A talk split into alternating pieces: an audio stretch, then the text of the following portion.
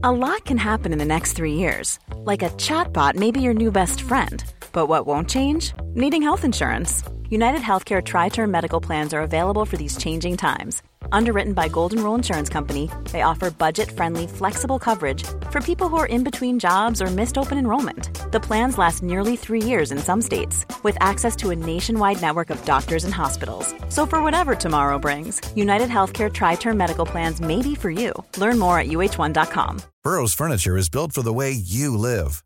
From ensuring easy assembly and disassembly to honoring highly requested new colors for their award winning seating, they always have their customers in mind. Their modular seating is made out of durable materials to last and grow with you. And with Burrow, you always get fast, free shipping.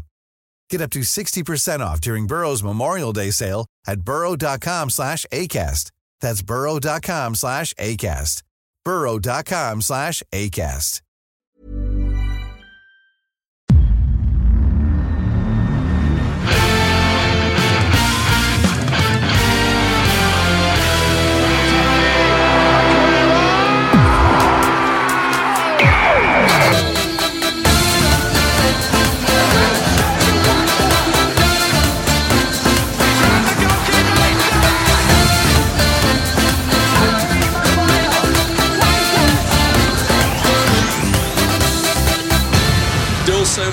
Hjärtligt välkomna tillbaka till ett eh, nytt avsnitt av eh, Rule Britannia. Det eh, är inte bara midweek avsnitt det här Fabian, det är lite av en eh, mid-season avstämning också. Vi har ju planerat både för denna veckan och eh, sen i mitten av nästa vecka så, så tar vi ett eh, större ringrace till. Men eh, idag ska det ringas hej jävla vilt till höger och vänster till eh, lag i eh, ja, men toppen. Nåja, alltså, nej, inte så mycket topplag. Det är fan lagen som hankar sig kvar lite längre ner utanför topp fyra.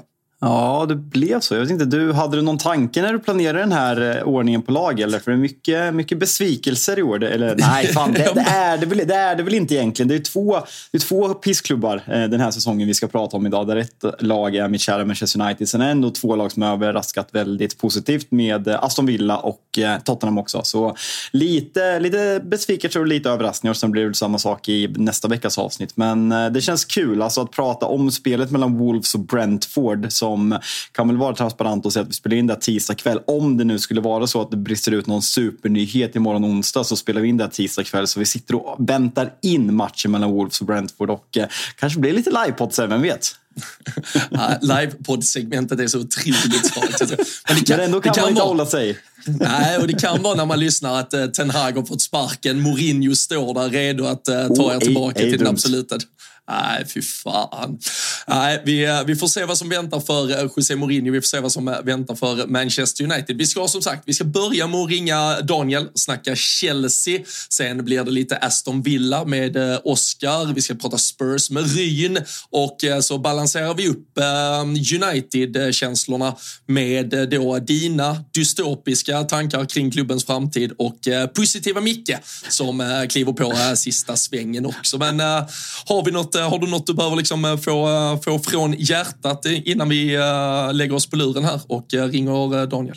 Nej, jag, jag, fryser. Så jag känner att vi behöver komma igång. Det, det är så jävla kallt. Ni, ni, du, både du och Daniel som ska ringa sitter ju nere i, i Skåne. Här i Norrköping har vi minus 16 just nu. Och, så jag, jag är frusen som djävulen.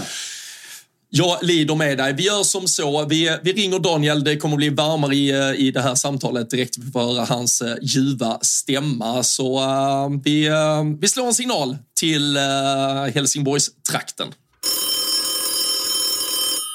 Ja, men då välkomnar vi återigen uh, eh, vår kära Chelsea-vän eh, Daniel till Rule Britannia. Eh, du, du hörde inte här nyss, men eh, Fabian klagar på minus 16 i Norrköping. Eh, jag har uh, fan bara minus 3 hos mig. Är det typ samma hos dig, eller hur uh, ser läget ut?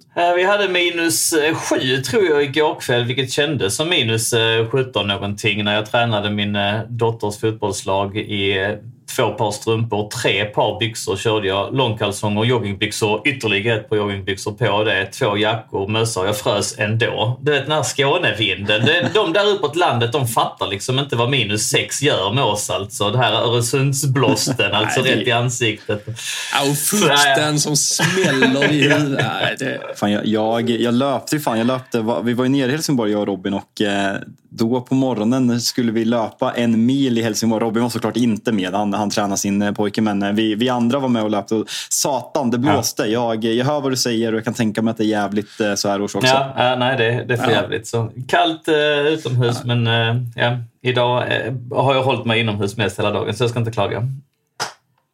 Nej, det har du gjort helt rätt i. Vi, eh, vi ska ju eh, liksom ta, ta tempen lite på det Chelsea har presterat, eh, vad vi eventuellt kan förvänta oss av dem under den lite drygt då andra halva av säsongen som återstår. Vi kan väl säga det direkt Fabian, vi kommer göra detta också i ett uh, lite mallat format med, med alla vi ringer till. Vi kommer ta en liten kort summering, prata positiva överraskningar, kanske lite negativa överraskningar hylla någon eller några spelare som har stuckit ut synen på coachen, managern, tränaren man har just nu och eh, sätta någon form av lite helhetsbetyg innan vi tittar framåt mot det som väntar. Ehm, vi, eh, vi fick lite, eh, jag ska inte säga att vi fick skit Daniel, men det var ändå någon som ville trycka till oss lite här förra veckan att Chelsea nu börjar mullra igång resultatmässigt i alla fall. Ganska okej okay siffror om vi bara tittar till vinstkolumnen sedan december. Men Kort summering fram till idag. Vad, vad säger vi om Chelseas säsong så här långt? Nej men det är under all kritik. Det går inte att sticka under stolen med. Det är under alla förväntningar och det är mycket värre än vad vi hade kunnat hoppas på. Med det sagt så ser vi väl ett litet eh, fall framåt här under eh, det sista, de sista omgångarna. Det skriver vi väl alla under på och vi har fortfarande hoppet uppe och i allt detta finns det väl förmildrande omständigheter. Men sett till satsningen man gjorde i sommar, sett till eh, förväntningarna så går det inte att sticka under stolen med att det är för dåligt. Hur uh, i, i det som då på många sätt mm. varit så här väldigt negativt. Vad, vad tycker du det ändå finns? Cole Palmer är ju en spelare vi har återkommit till och suttit och ja, man har ju lite mm. funderat över. Vi, vi har alla lärt oss den här säsongen det här med att sälja och ni är lite i en situation mm. liknande mm. det City då var i att sälj från din egna akademi. Det, det dopar dina böcker rätt rejält med plusresultat. Men annars är det ju väldigt förvånansvärt egentligen att Cole Palmer just var den som såldes från City när vi nu ser vad han gör i Chelsea. Är det någon annan förutom Cole Palmer? För jag tycker han har ändå varit mannen på alla mm. släppar. Någon spelare förutom honom du skulle vilja lyfta fram? Alltså, alltså Robin, frågan vi ska ställa är höstens positiva överraskning. Mm. Du kan ju inte, du kan ju inte svara att det är Cole Palmer. Ja, men å andra sidan så... Nej, men, det svarar nej, ju alla. Jag vill ha något annat, för Cole Palmer har vi ju pratat så mycket om. Jag vill så, ha så frågeställningen, annan. vi ska byta frågeställning på första gästen som vi har mallat upp här och säga. Förutom den mest givna positiva överraskningen, vem är näst den mest hip, hipstriga positiva ja, överraskningen? Men, annars kommer vi bara åter, eh, åter, liksom, eh, återge det vi själva har konstaterat. Vi vill ju lära oss sånt som vi inte redan vet. Så jag pojkar, sluta bråka nu. Jag förstår er båda. Cole Palmer är väl det liksom uppenbara riktmärket som de flesta eh, hänger upp sig på med all rätt. Han har ju varit den som har stuckit ut med eh, sina eh, sitt sätt att kunna bryta mönster, sitt sätt att uh, ha, ha vågat lite grann på offensiv planhalva och så framförallt att han har gjort lite mål också. Ehm, till saken hör ju att det är en del straffar eh, inräknat i detta. Men det blir ju ofta så att den som gör målen får eh, utropstecknen. Och jag tror han gjort nio mål totalt, men av dem är det väl sex straffar kanske? Eller fem? Fem kanske det, å andra sidan. Mm. Ehm, men med det sagt så är han ju, av värvningarna sett så är han absolut bäst och förmodligen den som har presterat bäst sett över hela året. Men å andra sidan, det, alltså att prestera bäst i detta det är väl ungefär som att vara bäst i särmatten. Det är ett lag som har eh, underpresterat något kopiöst och, och eh, att vara liksom the best of a bad bunch. Jag vet inte hur, hur jäkla mycket man ska hylla honom egentligen ifall jag ska vara ärlig. Jag tycker liksom att det, det, det, är, det är inte bra i år. Alltså ligger man eh, nia i tabellen efter den satsningen och, och ehm, med de bottennappen vi noterats för så är det egentligen ingen som ska lyftas fram. Men om man nu ska krysta fram någonting så ja, Cole Palmer har lyst och eh, om jag inte får säga honom så måste jag väl lyfta fram Conor Gallagher som har gjort en bra säsong också. Eh, ständigt ifrågasatt eh, internt, vilket är jättemärkligt. Det känns som att eh, det finns något eh, agg kring, eh, alltså att man lite som du var inne på Robin, att man kanske gärna vill balansera böcker och så vidare med egna talanger och då är liksom Cole Palmer eh, säljningsbar. Han är liksom uppe på marknaden på något sätt, vilket är fullständigt obegripligt eh, för en, en Chelsea-kille som har spenderat eh, hela sitt liv i klubben och som eh, är, visar på hjärta och visar på själ och borde vara en sån spelare som man ska bygga laget kring. Um, och så, så, är det någon, någon, någon mer som jag vill lyfta fram så är det verkligen Conor Gallagher som, som hela tiden uh, kämpar, sliter och något kopiöst och som i min bok har uh, fullständigt utbriljerat sina andra två mittfältspartners i Enzo Fernandes och Moises Caicedo som båda kom liksom för att ja, nätta 100 miljoner pund eh, någonting i, i, de, i de slängarna. Och att ha en egen produkt som gör jobbet och som faktiskt utglänser de två. Det, det är rätt coolt. Eh, må han stanna i Chelsea för evigt. Mm. Vad heter det, om, om vi går över på, på negativa överraskningar. Ja. Om, du, om du inte får säga Moises Caicedo eller Enzo Fernandes mm. eller Nkunku eller med Niklas Jackson. eller, Nej, ja. du, du, får säga precis vad ja, du vill. Uh, fick du en känga där Robin? va? Ja, nej men... jag, jag, jag, jag, jag känner hur hatet bubblar och min tid nu tog ja, Härligt. Nej men alltså, det är svårt att utvärdera när eh, halva laget har varit skadade och man inte sett så mycket. Men det är klart att man hade hoppats att man hade kunnat få se mer av stjärnvarvningen än Kunku såklart. Kom tillbaks lite snabbt, blev skadad igen. Det är ju såklart eh, jättetråkigt och en flopp i sig. Va? Inte för att han eh, har presterat dåligt, men för att man inte har fått se honom överhuvudtaget. Samma sak gäller ju Romeo Lavia. Jag är jättebesviken på att vi eh, la ner dyra pengar för eh, snart två år sedan på Wesley Fofana som har gjort ett tiotal matcher. Inte fått se honom heller, knappt alltså. Eh, men av de som man har sett så, jag, jag spelade in en säsongssummering tillsammans med eh, Patrik Petko i Chelsea-podden, vår egen podd. Eh, där jag summerade Chelsea-året då, 2023 och tog faktiskt ut Enzo Fernandes som årets flopp i den. Och det står jag för. Jag tycker inte att man kommer för de pengarna som nykorad världsmästare och bidrar så lite som han har gjort. Jag ser att det finns en jättebra fotbollsspelare där. Men han varvades alltså i januari förra året och vi har haft ett år på oss nu att, eh, att, att granska honom så att säga.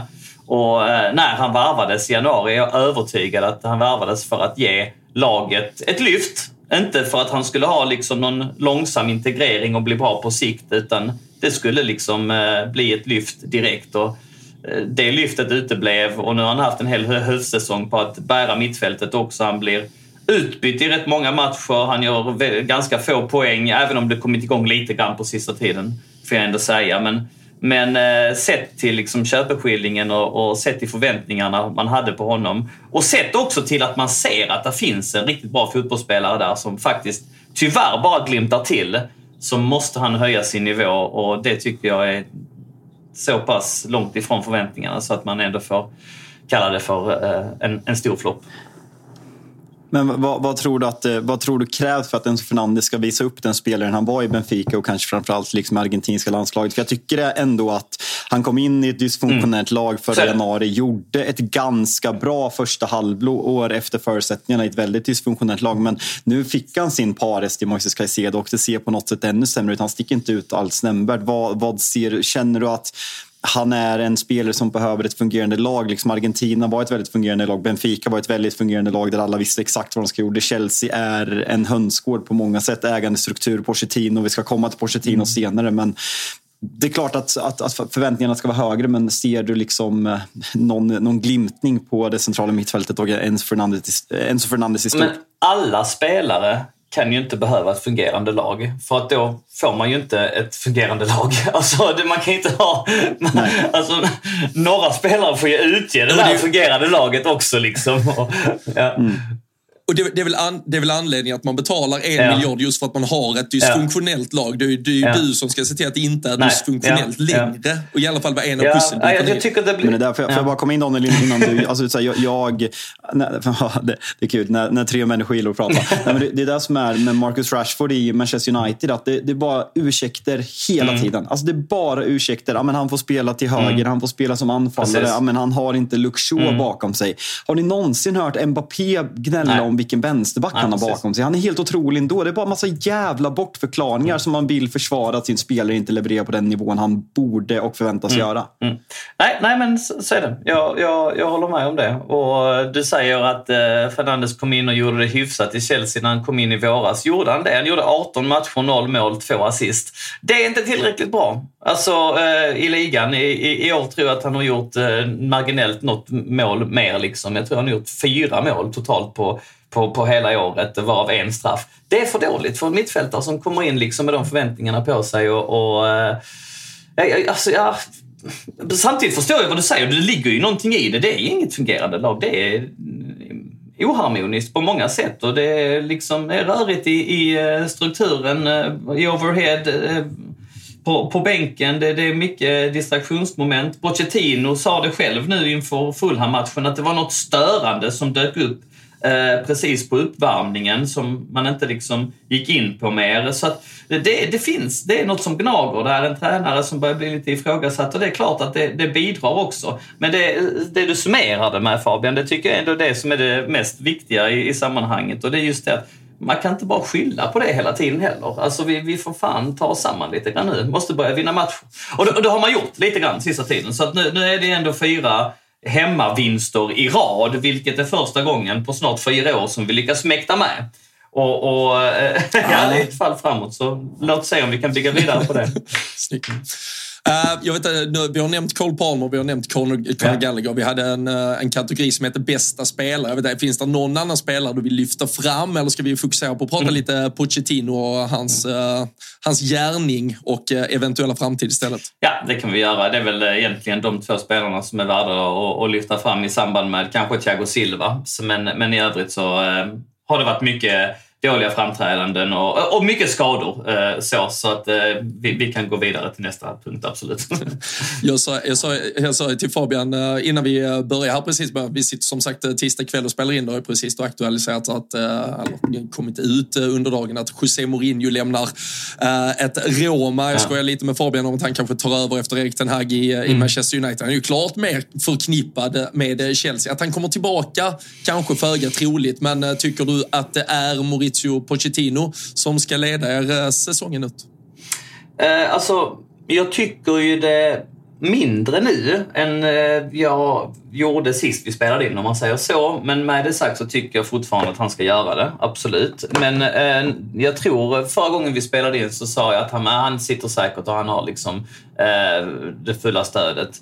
Och, och, det börjar liksom svikta. Jag sa att det kan inte hålla på hur länge som helst det här med de dåliga resultaten. Och nu är det nästan så att vi är lite grann på, och det håller på att tippa över, höll på att tippa över när vi förlorade första semifinalen mot eh, Middlesbrough i ligacupen. Um, det är ett jävla tur att vi har ett semifinalmöte kvar med dem, men där blev det verkligen så att folk började, nej fan nu, nu, nu börjar det räcka. Man märkte att det var en lite mm. av en brytpunkt. Här började det delas upp och det började liksom skrikas eh, på Twitter eh, på att eh, potch out och så vidare. På ett sätt som jag inte sett liksom tidigare. Jag är fortfarande i båten att han ska stanna kvar. Jag, jag ser att han jag ser hans brister. och Det gör man ju när eh, ett lag är i motgång och, och jag eh, förstår inte vissa laguttagningar och jag tycker att det är vissa eh, presskonferenser där han inte imponerar och så vidare.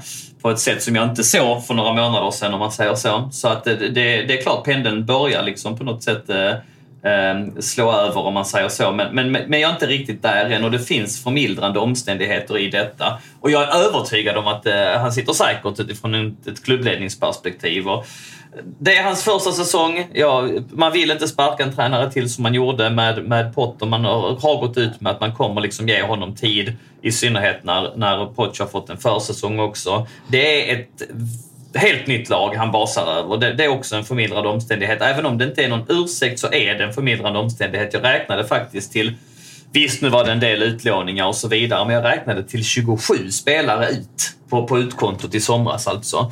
Eh, det är mycket. Det, det, är väldigt mycket. Och en, ja, lite beroende på hur man räknar vem som värvades Så är det när man har haft 78 spela i Vitesse under 12 ja. års tid. Fängslad ja, ja. Till slut måste man bli av med ja. Jo, eh, lite så. Det, eh, det, det, kan jag väl någonstans hålla med om. Men även bortsett från de här utlånade spelarna så är det väldigt många som har lämnat. Alltså det är ja, alltså allt ifrån tongivande spelare som har varit i klubben länge, som Aspilicueta, till liksom Havertz, Mount, Kovacic, Koulibaly, Pulisic, Mendy, Loftus-Cheek. Eh, ja, sen så är det som sagt... Man glömt bort det, vilken sjuk sommar Ja, men det är det. det är, N'Golo Kanté ja. drog liksom... Sen är det squadspelare som liksom inte är såhär, Aubameyang skiter vi väl i, liksom Lukaku skiter vi i, Ampadu spelar väl ingen roll, men alltså... Eh, Hakim Ziyech hade ändå en squad, squad roll och så vidare. Alltså, det är rätt många. Alltså, det var Pulisic. en... Pulisic, precis. Ja, ja, så att, eh, det har varit, det är ett nytt lag och det tar nog tid att spela in. Det får man ha viss förståelse för. Och så sen det här med alla jäkla skador vi har haft. Alltså det är unikt under de två sista åren hur mycket skador som vi har Och det kan man också säga, men det kanske är Chelseas fel. Alltså det, ja, hur mycket bär man skulden där? Det kan väl framförallt ha att när man, när man byter tränare så kanske. ofta. Det är ju väldigt eh, ofta förknippat med ja. ny träningsmetodik och ja. ny träningsform och så vidare. Men eh, var, eh, var landar vi? Det, det är bara ett 1 eh, till 10 och eh, egentligen ingen utläggning för den har ja. du redan haft. Eh, betyg på säsongen så här långt? Två. det hade kunnat vara lite värre. Ska, man, köra Tuttosvenskans eh, betygsskala så är det alltså noll poäng. Eh, så dåligt. Ja. Ett är väl eh, att klubben har gått i konkurs. En tvåa är att man har noll poäng och åkt ut med huvudet för. Varberg landade på en trea och de var väl historiskt sämst i Allsvenskan. Ja. Jag, tyckte, jag tyckte att det var ett otroligt dåligt betygssystem som de använde, så jag köper, jag köper in tvåa eh, framförallt. Men om vi, när vi, innan vi avslutar, om vi bara pratar liksom, vad, vad är är målsättningen och liksom, vad går man in i för tankar resten av säsongen nu? Är det liksom Europaplatser? Är det en vinst i en kupp som skulle kunna rädda någonting? Eller vad, vad tänker man? Ja, men hur mycket i moll än den här pratan har varit, för det hör jag ju själv, så finns det ju möjlighet att styra ut det just nu. Här vi spelar in liksom i januari. Låt oss hoppas att nästa gång ni bjuder in mig att det blir lite mer muntert då. Men som sagt, här finns eh, ljusstrån att eh, klamra sig fast vid och, ett av dem är ju som sagt att vi har eh, dragit ihop en rad med hemmamatcher nu. Att vi faktiskt är lite på en vinnande streak och vi har klättrat lite i tabellen. Och alltså faktum är att vi bara är, vad är vi, tre poäng ifrån sjätteplatsen. Om jag kollar rätt mot West Ham, de har 34. Förvisso en match mer spelad och vi har 31 ja.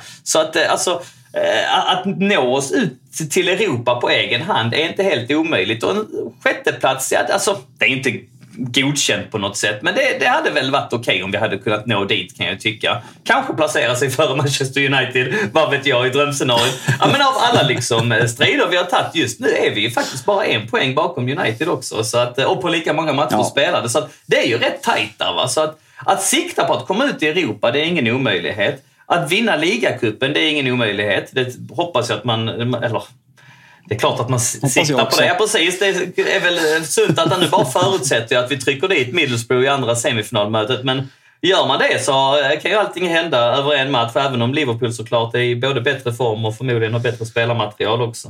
Ni, ni, har, ni, ni, har, ni har inte gjort ett mål på Wembley mot oss på 240 minuter. Får, ja, får man betta på 0-0? Har, har ni gjort något mål på 240 minuter? Fråga.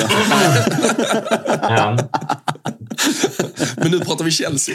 ja, det är sant. Ni är Liverpool nästa vecka. Ja, men vad fan, jag tycker också det. Alltså, fan, en sjätteplats för er och så tar ni en, eh, eller går för en cuptitel. Jag tror att, att, att, att, Jag tror ju faktiskt att, att förväntningarna innan säsongen var, och det är just därför jag tror att eh, Pochettino får stanna också, för att man kan fortfarande nå ut till målsättningen. Och målsättningen var att komma ut i Europa. Och vinner man ligacupen då kommer man ju ut i Conference League. Va? Så att det, alltså, den målsättningen mm. är faktiskt inte orealistisk.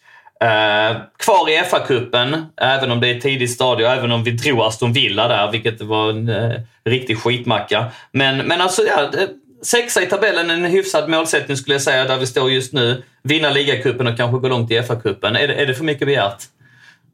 Nej, det är relativt rimligt. Jag tycker ni ser skapliga ut om ni jämför med ett eh, rött lag jag håller på. Jag ska få en sista fråga som du svarar väldigt kort på, för annars kommer vi bli väldigt långa i det här avsnittet. Eh, kommer ni värva någonting? Nej, jag tror inte det. Det, det, det verkar som att vi är färdigvärvade. Det har riktats lite grann om en anfallare, men det är nog mest eh, att man tittar på försäljningar i så fall och utlåningar. Ja.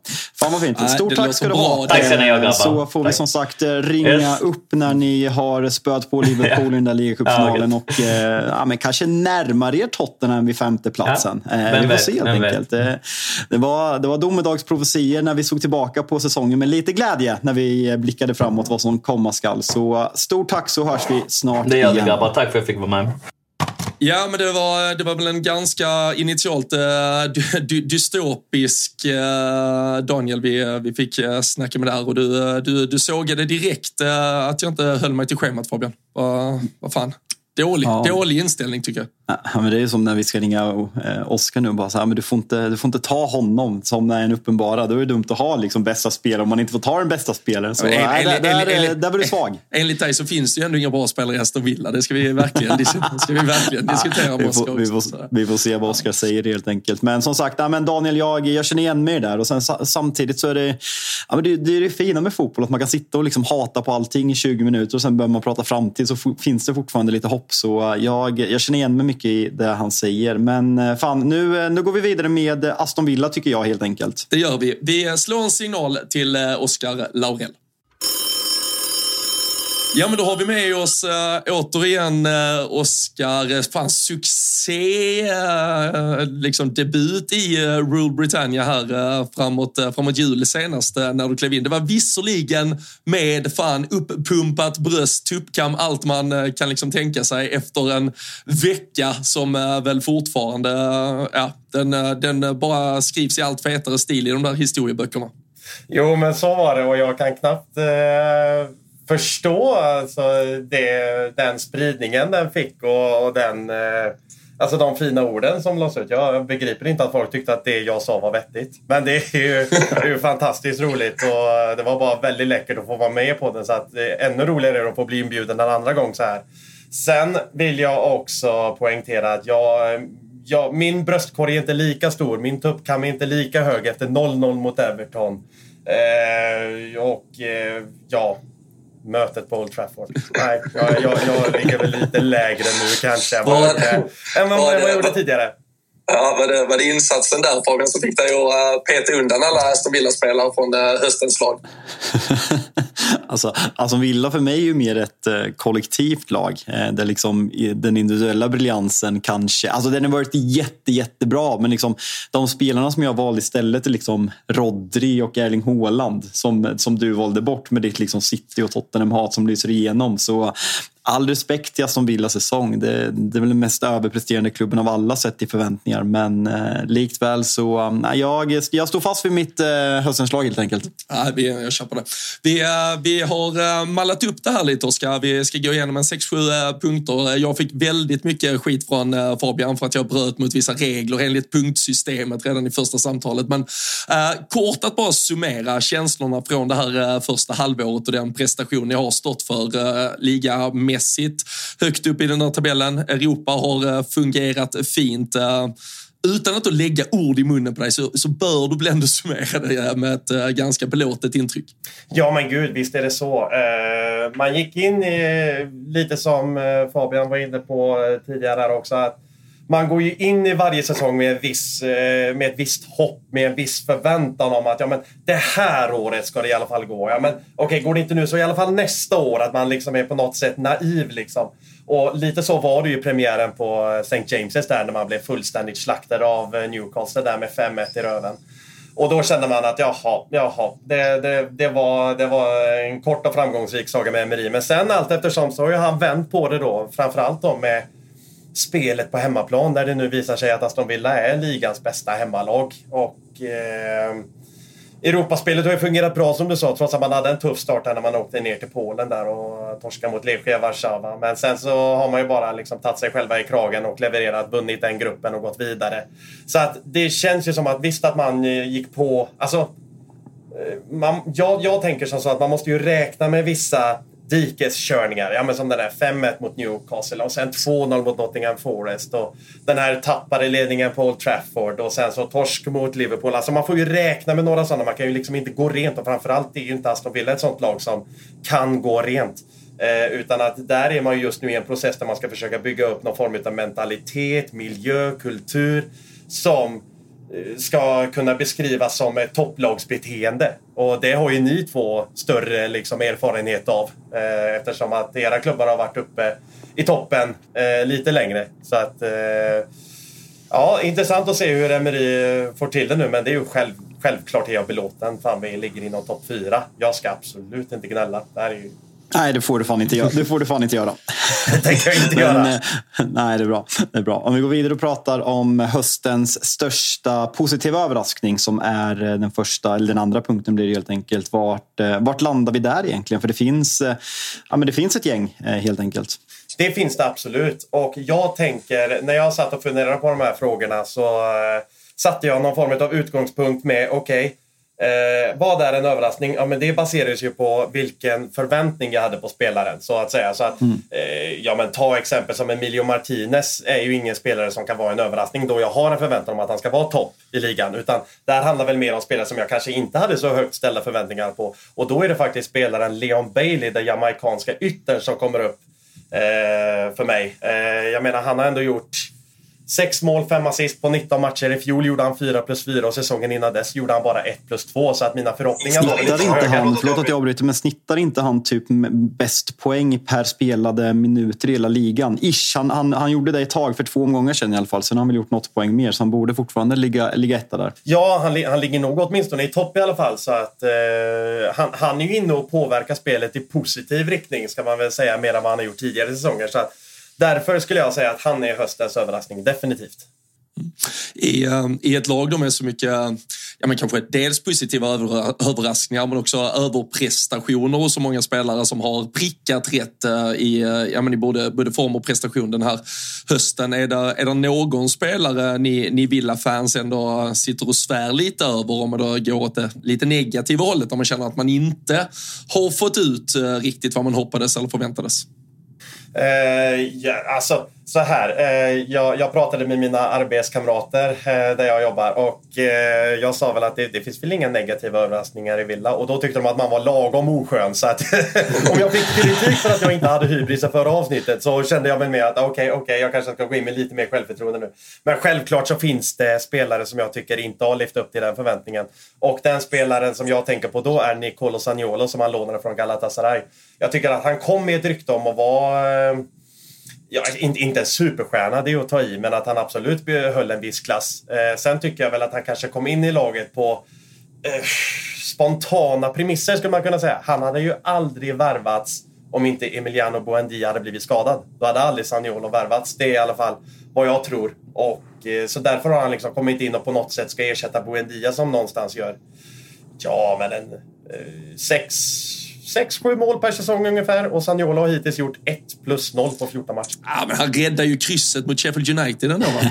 har, man, har man hört någonting? För han, han kom ju med ett eh, ganska rykte om att vara liksom Italiens bad boy. Har, har man hört något, några rapporter från eh, Birminghams nattliv eller vad är status där?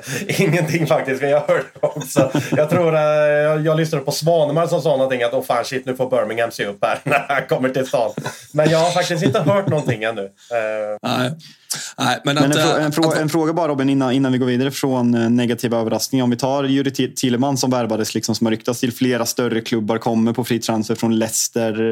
Det har väl ändå varit lite av en besvikelse eller? Oh ja, han hade en väldigt trög start och fick inte spela och sen gick han ju ut i media och sa, vilket jag inte tycker är fel å andra sidan, för att han uttryckte bara att det är klart att det är en frustration att man inte får spela något annat. Jag tycker bara det är ett friskhetstecken mm. att man går ut och säger att man inte får spela. Så att, absolut var han lite trögstartad, men jag tycker att han ändå har Eh, framförallt under den här veckan när man mötte City och Arsenal så tycker jag definitivt att han visade upp klassen. Så att jag tycker ändå att han har räddat upp det på ett annat sätt än vad kanske Nicola Saniolo gjort. Även om den där, det där målet mot Sheffield United som räddade poängen och Heden var, var bra så sett. Men eh, Thielemans har väl räddat upp det mer och mer. Men Thielemans var också ett namn som jag bollade upp.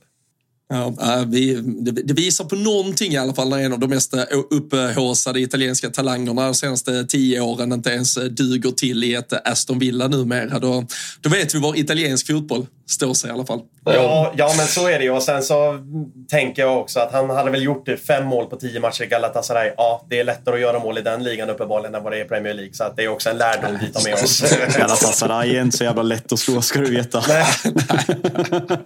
Nej, de är, de är inte för alla.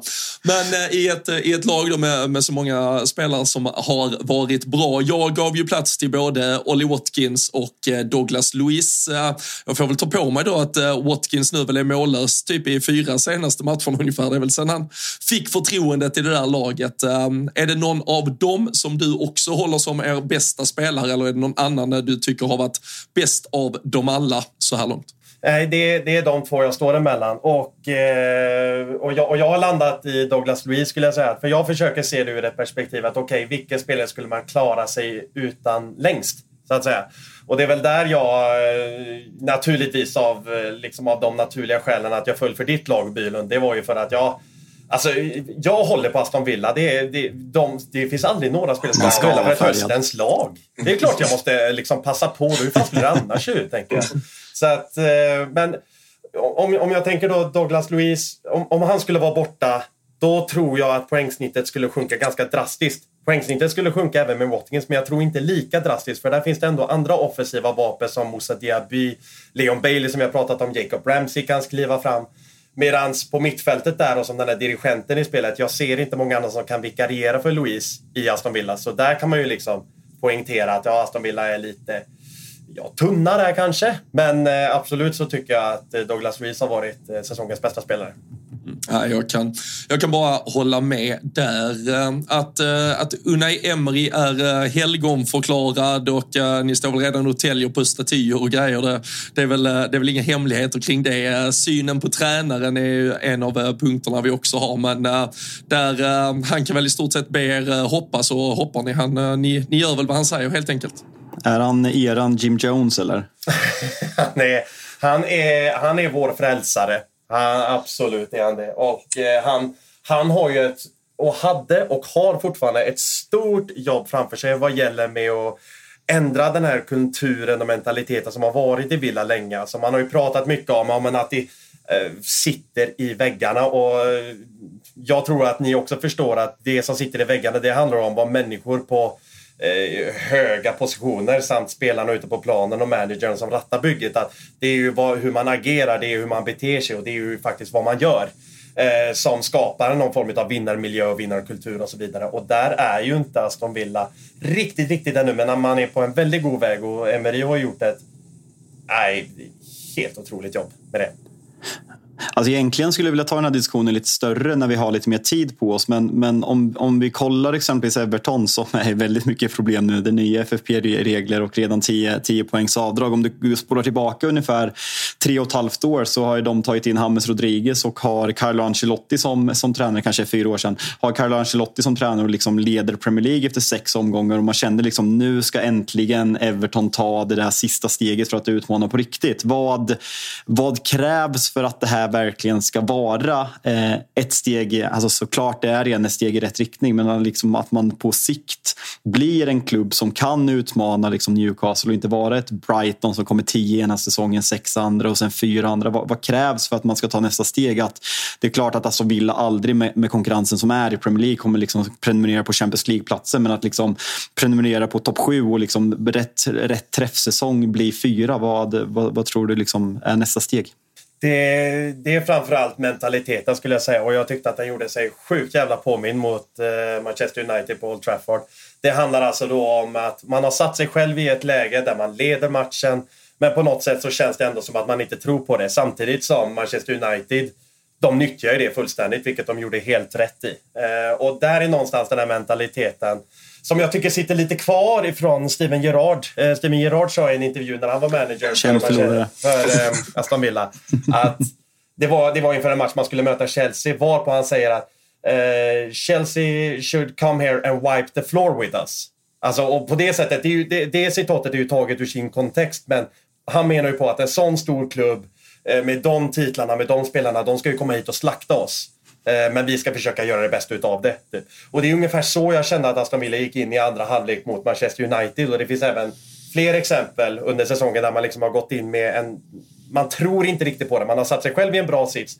Men du har inte mentaliteten eh, och tankesättet just nu. Att vara det som jag nämnde, alltså det här med topplagsbeteende. Det har inte Villa just nu. Utan just nu så känns det lite, vad ska jag säga? Lite spontant. Man går på flytet. Liksom. Vi, eh, när vi pratade med Daniel tidigare och, och pratade Chelsea och när vi gick till eh, betygssättning då eh, vi, vi pratar en, ja, men en skala från 1 till 10. Han, han gav trots allt Chelsea en tvåa med, med någon form av argumentation att det kan ju alltid bli värre i stort sett. Kan, kan det bli bättre för Aston Villa eller är vi uppe och nosar på en 10 här eller hur, hur tänker du när du ska ändå sätta en siffra på det ni har presterat? Eh, jag, jag skulle säga, jag tror absolut att det går att få lite bättre och det här baserar jag på, om jag säger, om jag säger så här, jag säger, jag skulle sätta en nia.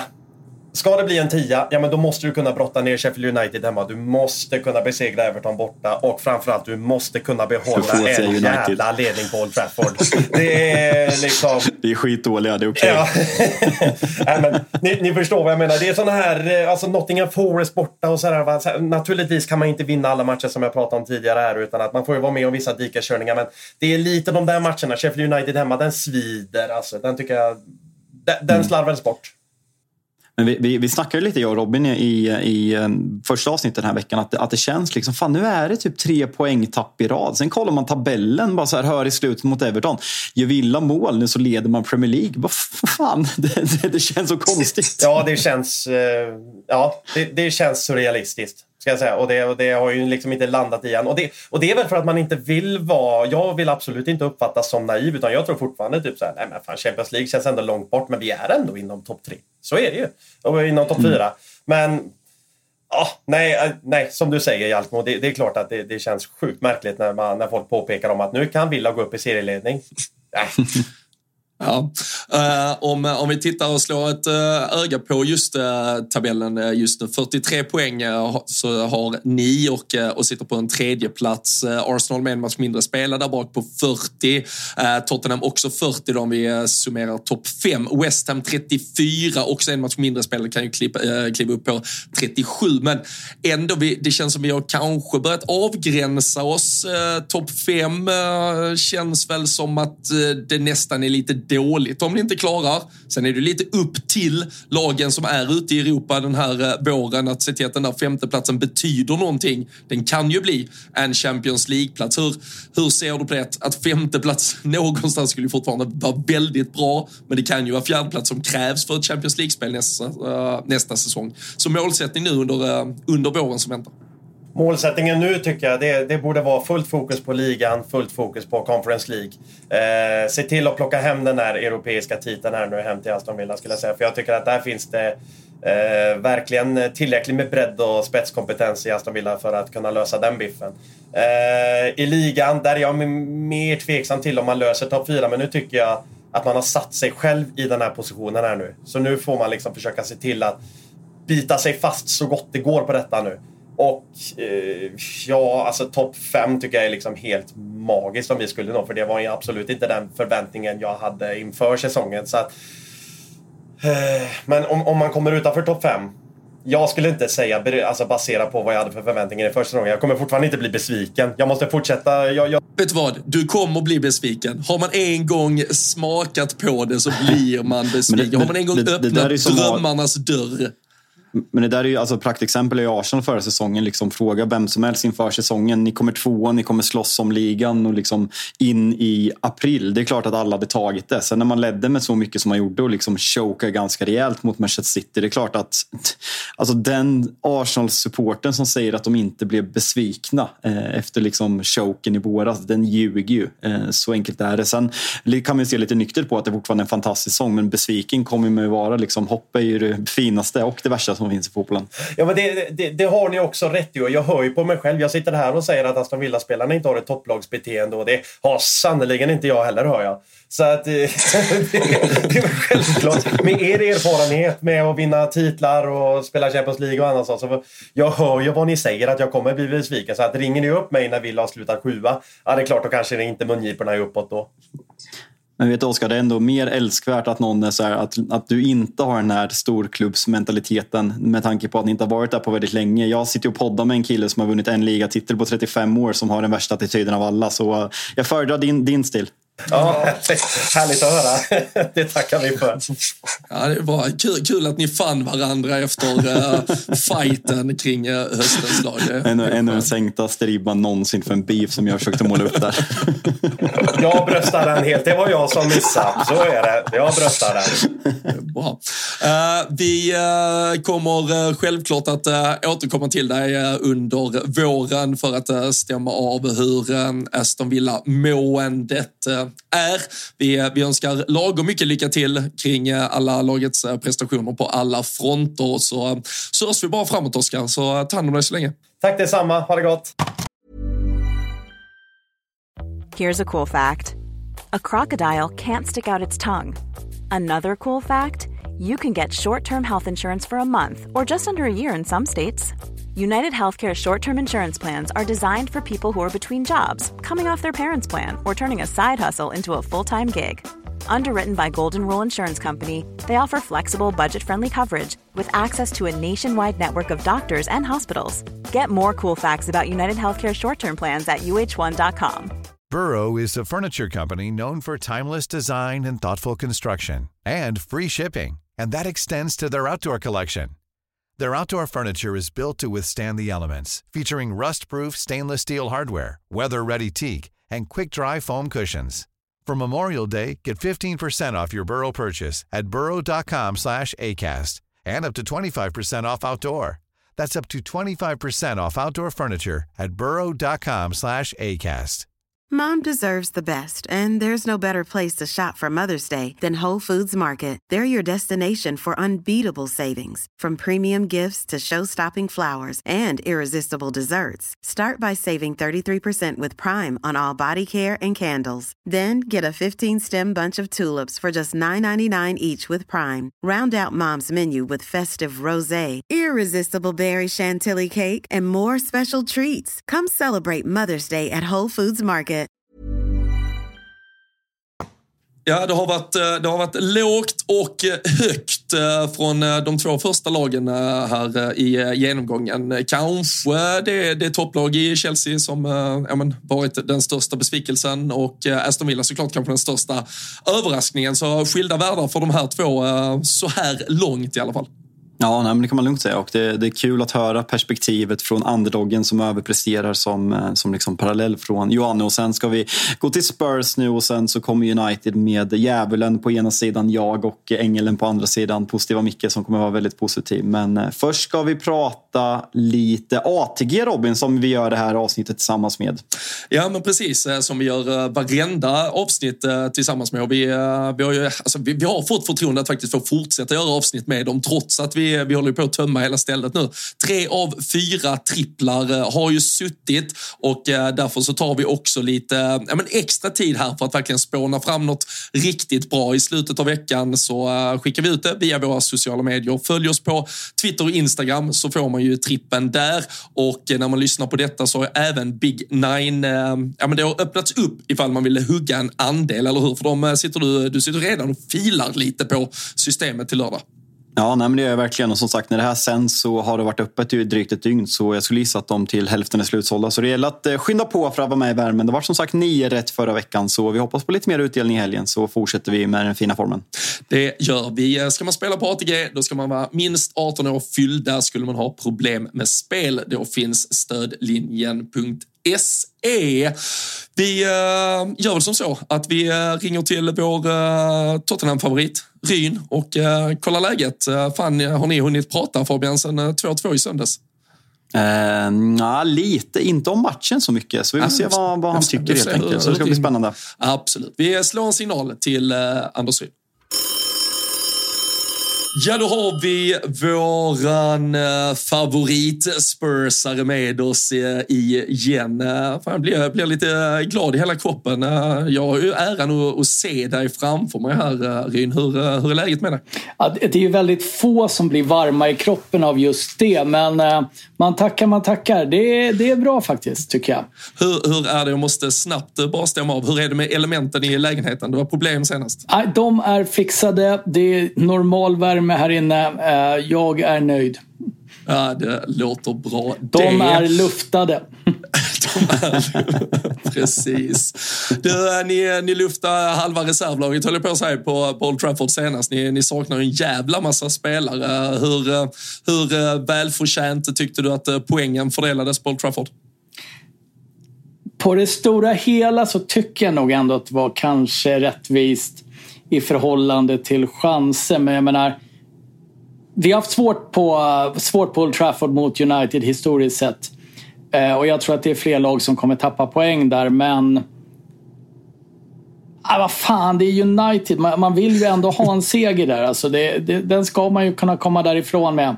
Och jag tycker att vi bör kunna skapa lite mer heta chanser. För jag tycker att vi har mycket boll, vi spelar relativt hyggligt. Men det märks också att vi, vi saknar spetsen i laget just nu, absolut.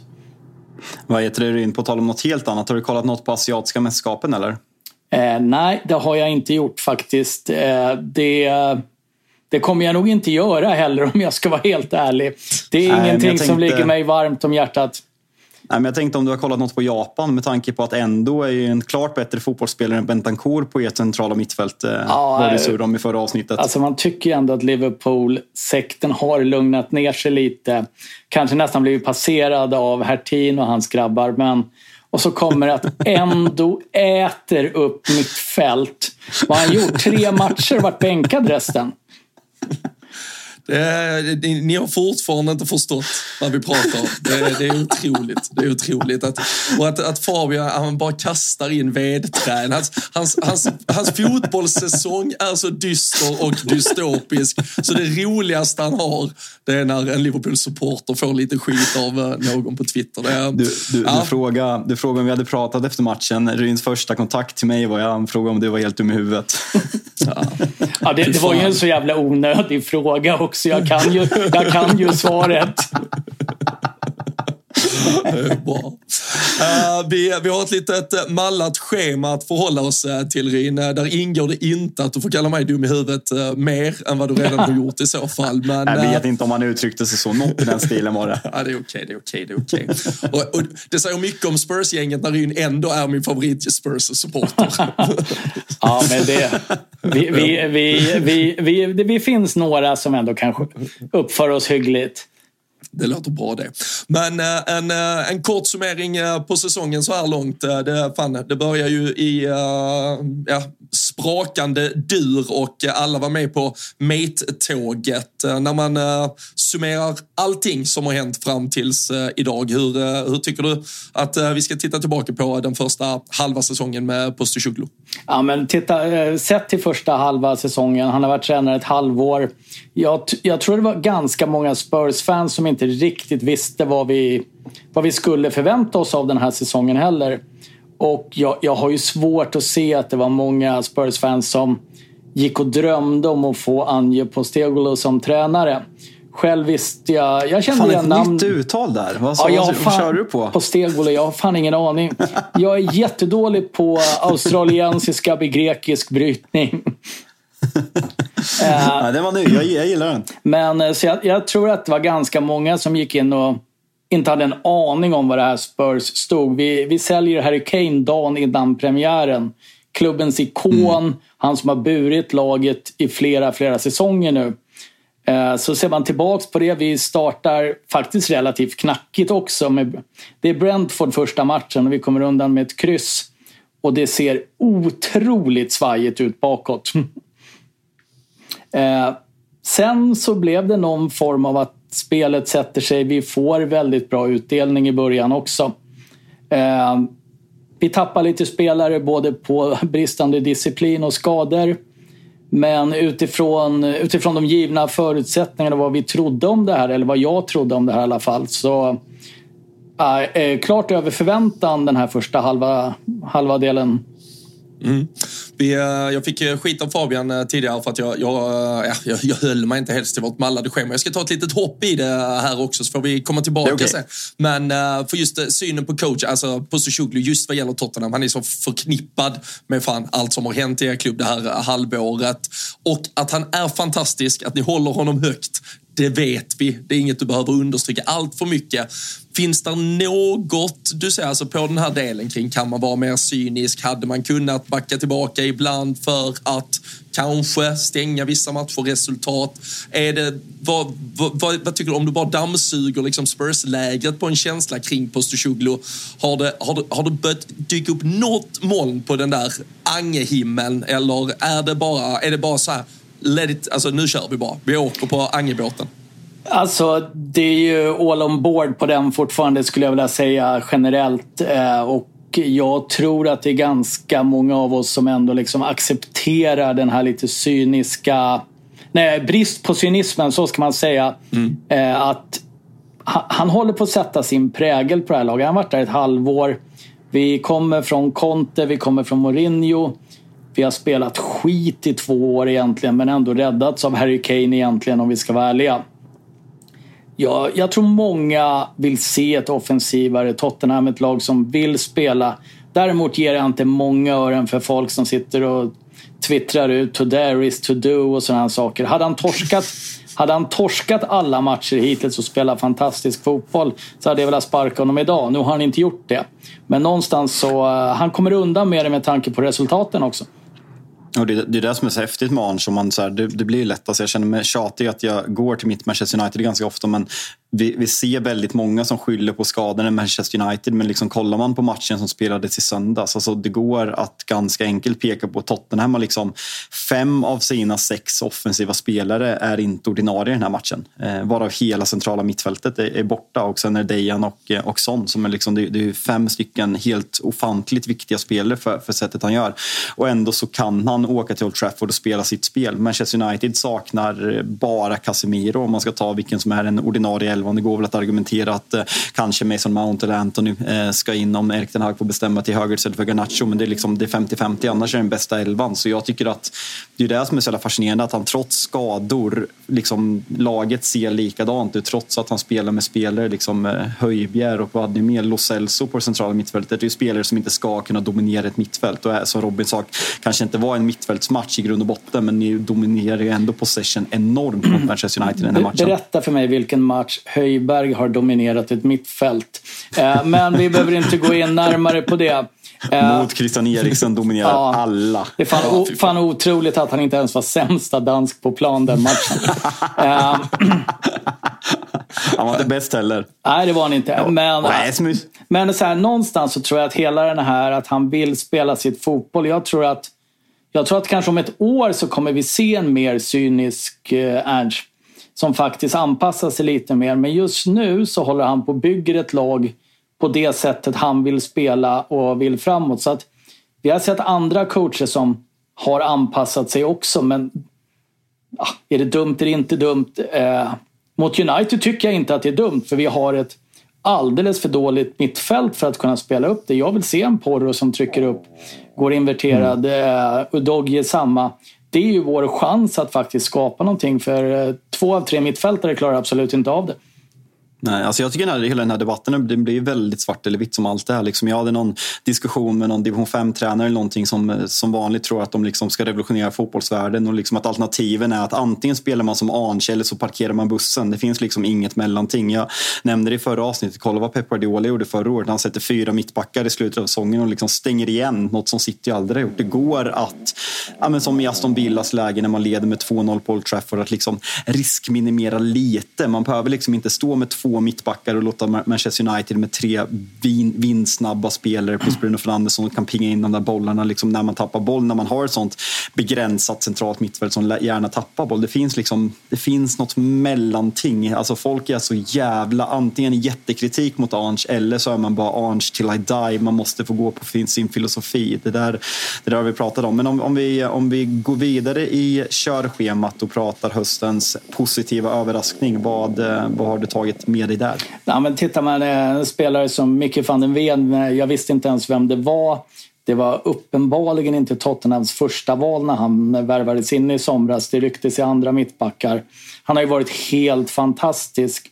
Men, men den stora överraskningen för mig det är Pape Matisar utan tvekan på mittfältet. Eh, mitt minne av honom från förra säsongen är att han blev utbytt i minut 19. Vi ligger under med 3-0. Och jag funderar på om de har skickat dit hans brorsa eller något liknande.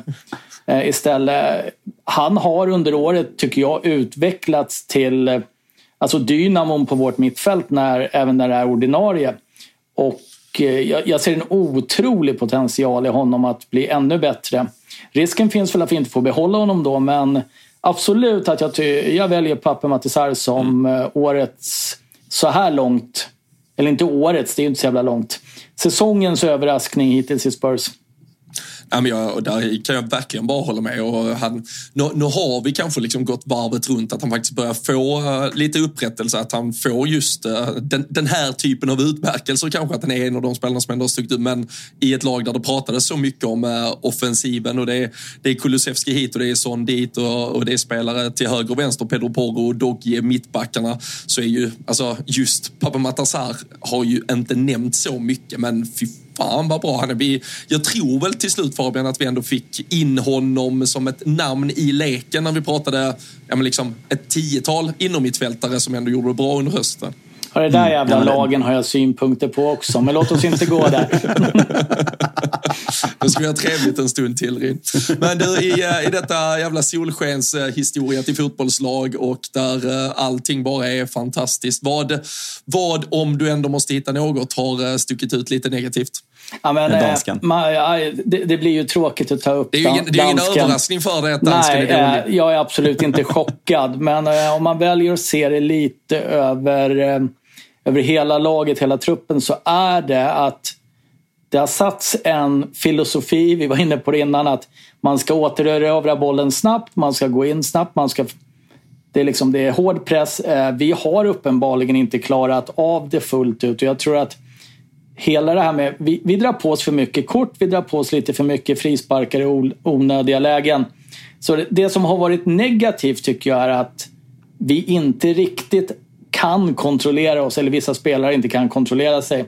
Ska man ta en spelare som jag hade hoppats på väldigt mycket mer av så eh, har jag svårt att säga en sån om jag ska vara ärlig. Eh, vi, vi, har ju fått gå väldigt, väldigt hårt på få spelare också men vad en sån som Oliver Skipp vill man ju se ta ett steg eller lämna. Liksom. Att han, är, han är inte bra nog just nu.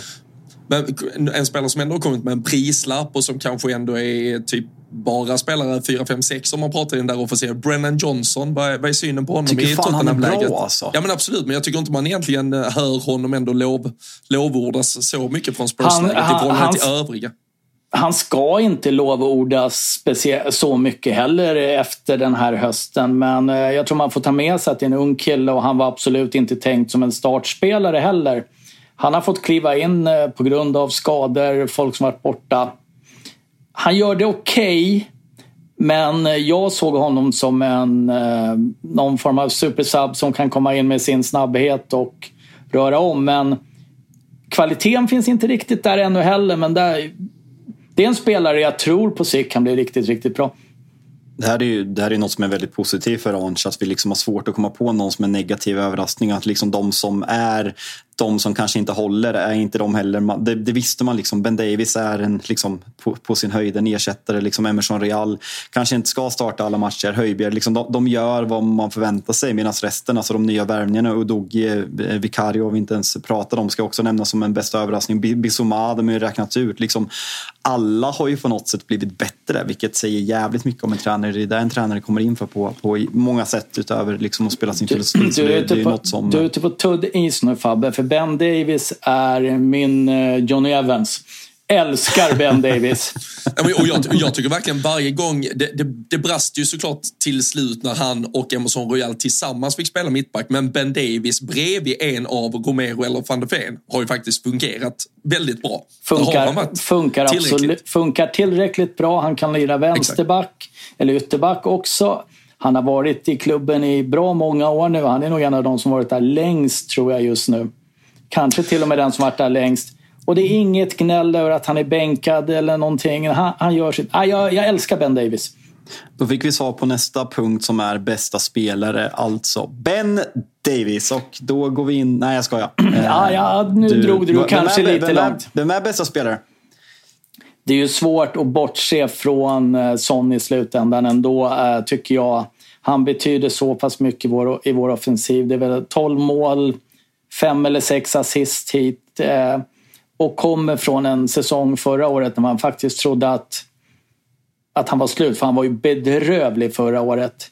Eh, man har kanske trott att han levt lite på Keynes eh, spelsinne en del också, men han bär ju trots allt tillsammans med Kulusevski vår offensiv. Sen är det svårt att bortse från kombinationen van den Ven och Romero när de är på, på rätt sida av rättssnöret om man säger så. Eh, fantastiskt mittbackspar tycker jag, men utan, utan tvekan, det, jag, jag, kan inte ta någon annan än Son. Den som hade kunnat konkurrera är Madison, men han har varit borta alldeles för mycket tycker jag. Mm.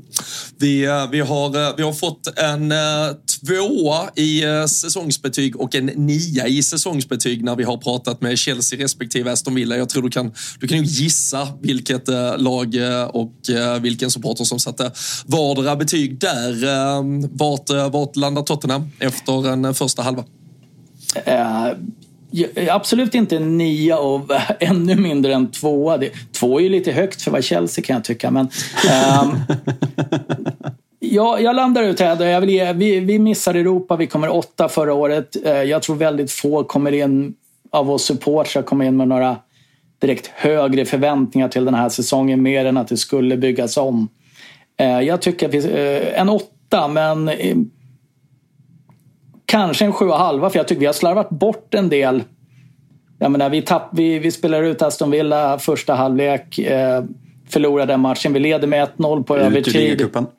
Ut ur ligacupen. Direkt mot Fulham i... Eh, på straff. Andra omgången? Ja, vår första var det tror jag. Mm. Ja, exakt.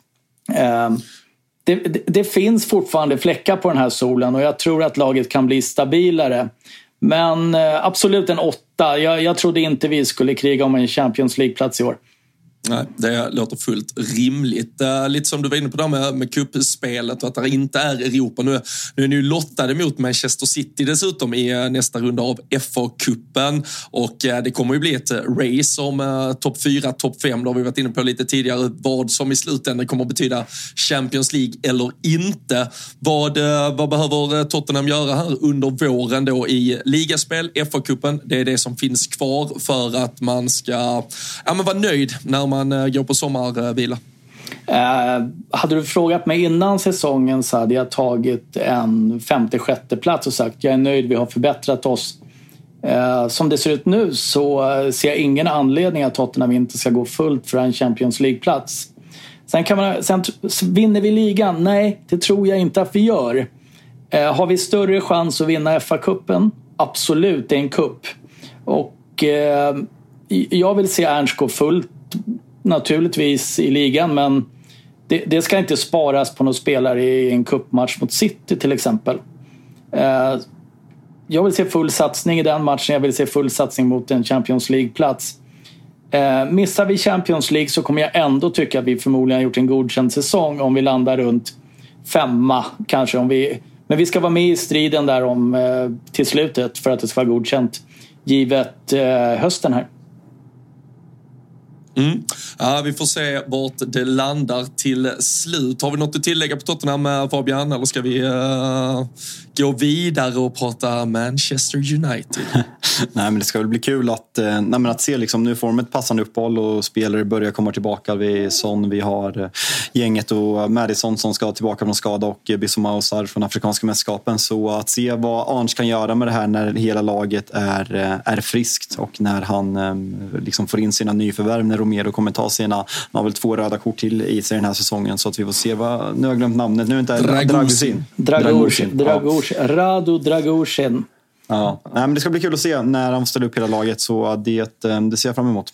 Ja, det blir spännande. Vi, eh, vi tackar så mycket för kloka tankar, Ryn, även om jag, jag, hör, eh, jag, jag, jag hör vad som tydligen sägs bakom lyckta dörrar. Så jag får, får se var du, var du är på min lista kring Tottenham-supportrar framåt. Men ta, ta hand om dig så länge i alla fall, så hörs vi snart igen. Absolut. Ja, det var ju fan, det var jävligt eh, äh, därför att man, man inleder eh, Tottenham-segmentet med att äh, hylla Ryn och så får man reda på att ni, äh, ni liksom driver äh, hatkampanj äh, vid sidan av. Det, det, jag vet inte vad jag ska göra med den informationen riktigt. Nej, alltså jag, jag tar inte ansvar för vad Ryn skriver till mig. Och sen, ja, men, alltså, jag ska vara helt ärlig, jag gick ju faktiskt ut och försvarade dig när någon skrev på Twitter och liksom skrev den här alltså, jag hörde ju vad du sa. Sen är det klart att man hänger på när du får lite hat mot dig. För det är ofta ja. jag som får ja, men det är fan ofta jag som får skiten av någon uh, oförklarlig anledning. Så när, när folk kliver på dig, då, då, då stöttar man dem. Så, ja. så är det.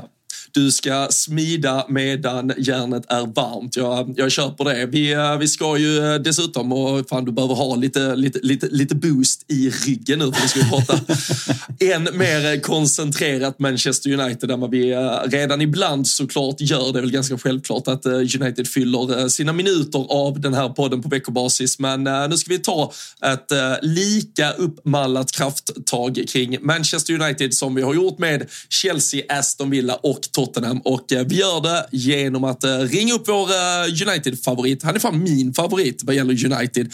Positiva Micke. Ja, men där har vi äntligen, kolla, i, nu, nu ser ju inte folk, folk sitter och bara lyssnar, men jag, bara, jag känner direkt att vi får, vi får glädje och positivt United-perspektiv när vi välkomnar Micke Martinsson till Rule Britannia. Hur är läget? Ja, tack så mycket. men det är fantastiskt bra såklart. Som alltid. Positiv som man är.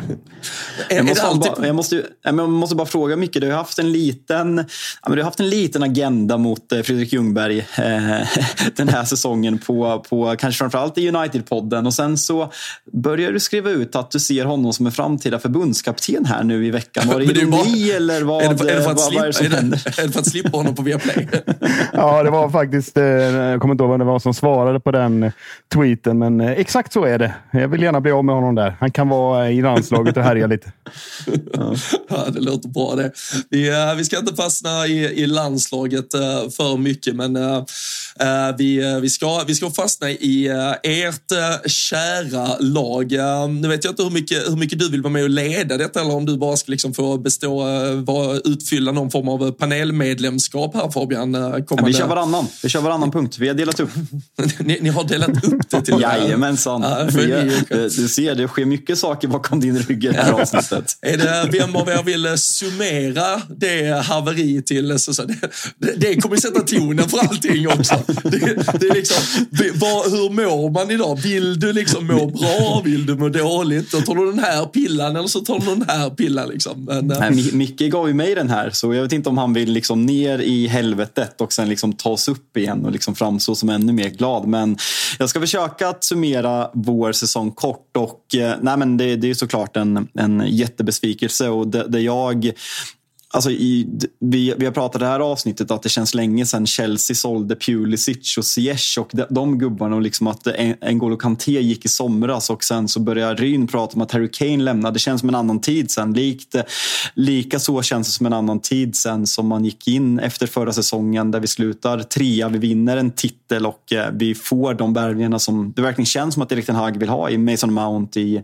i kanske framförallt Onana som skulle förändra vårt spel i grunden. Men eh, här står vi. Vi ligger väl sjua eller åtta. Eh, åkte ut där vi kom sist va, till slut i en ganska enkel eh, Champions League-grupp. Vi har åkt ut ligacupen. Så eh, en jättebesvikelse. Sen går den för, såklart att liksom hitta anledningar i eh, framförallt skador men eh, det går inte att komma fram att, eh, ifrån att det är en enorm jävla besvikelse jag sitter här med i mitten av januari 2024. Mm. Uh, Micke, vill du, vill du tillägga något uh, snabbt uh, där kring det? Eller kan du ändå köpa in dig på att det här ändå är de breda penseldragen kring var Manchester United befinner sig? Nej, men där är jag och Fabbe fullständigt överens. Det är, det är svårt att liksom, eh, historierevisionera säsongen till något annat än vad det faktiskt eh, som Fabbe beskriver. Men eh, det är väl möjligen att vi har, ser lite annorlunda på fortsättningen. Mm. Ja, det, det, det, är kul att se vem av er som liksom eh, ska, ska blicka framåt sen också. Det, eh, vi, får, vi får väl se här. Men vi, eh, vi har ju eh, i, i alla lagen, eller de två senaste här, både Aston Villa och Tottenham, så har det varit lite kamp om priserna här när vi har börjat prata höstens positiva överraskningar. Känns inte som det är liksom lika välfyllt i Manchester United United-ledet eh, fram till den där eh, prisceremonin. Är det, är det du som har fått ansvar för att dela ut eh, den pokalen, Mikael? Ja, men det är det ju. Vi ska ju ha lite positiv överraskning och det känns som att det är en eh, given rubrik för mig i konkurrensen här. Så, ja, vad, vad landar vi? Ja, men för att citera Olof Lund så det går väl inte att gå runt Kobi Mainu, eh, känner jag. Det, visst, vi har ju sett glimtar i ungdomslagen. Eh, vi har sett det på försäsongen. Man har förstått när man har lyssnat på folk som är nära eller närmare United att det handlar om en exceptionell talang. Det visste ju i stort sett alla som har, som har koll. Men att därifrån kliva in på den här nivån, på högsta nivå och liksom i ett disharmoniskt lag på gränsen till upplösning som Fabbe har redogjort för. Katastrofsäsong. Komma in och prestera så efter en dessutom en längre tids skada. det, det såg inte jag hända. Helt ja, omöjligt. Ja, jag, vi, vi pratade om det här mycket när jag gästade er podcast förra veckan och vi har även pratat om det när jag liksom suttit med hybris i den här podden. Men om jag frågar dig Robin, är det är vi svältfödda supportrar som greppar efter halmstrån eller är han något extraordinärt? Alltså, jag, jag, tycker det är jättesvårt att bedöma. Just, han, han kan mycket väl vara något extraordinärt. Han kan mycket väl vara på riktigt. Men, men det är så svårt. Och det, jag pratar ju från egen erfarenhet av när man var svältfödd på framgång, när laget var fullständigt dysfunktionellt, när konkurrensen var Christian Poulsen. Då tyckte man för fan att Jay Spearing kändes spännande. Liksom. Sen, sen, sen om det betyder, och jag tror inte att Kobe Maino, liksom, att karriären slutar när han är 27 bast i Tranmere. Det kommer säkert säkert bli större. Men om det sen betyder att han kommer vara lagkapten i ett Manchester United som erövrar Europa eller om han tar en flytt till Real Madrid eller om det blir Aston Villa om tre år. Fan vet, men, men det är ju klart att han ändå är något ni i framförallt brist på jävligt mycket annat ska uh, liksom värna och uh, njuta av så mycket det bara går. Nej, men vi slog ju fast eh, när Fabbe gästade oss häromsistens i United-podden att, eh, att han är den största talangen i Premier League. Och det är klart att det är ju svårt Och, eh, Vad, vad ska vi väga in i ordet talang? Var går gränsen åldersmässigt och så vidare? Och då hade vi med Bajcetic eh, från Liverpool i bedömningen, men han räckte inte till. Om, om, om du skulle sätta in honom i kontexten jämfört med Kobby. Liksom. Nej, men också helt omöjligt. Men alltså det, det, man kan likna dem lite vid, nu är det ju nästan ett år sedan Bacicic eh, ens spelade fotboll, för det har varit skador som har förföljt honom, men han, han spelar ju ja, eller den lilla tid han ändå spelade ganska mycket var ju för ja, typ exakt ett år sedan, januari, februari förra året, när Liverpool var så extremt ofungerande. Vi var, på, vi var på Brighton borta och släppte in tre. Det var Brentford borta och släppte in tre. Det var Wolves borta och släppte in. Alltså det, var, det var så otroligt. Och då, när man kände att Fabinho kunde inte, han hade inte en motor att starta. Jordan Henderson var slut. Thiago gick ju sönder bara man tittar på honom. Då är det klart, då, vi upplevde nog ungefär samma sak som ni gör nu. Att det ändå var en 18-åring som fan, han ville ha boll. Det var presence. Han syntes i alla fall på den där jävla planen. Ge mig bollen så försöker jag göra någonting.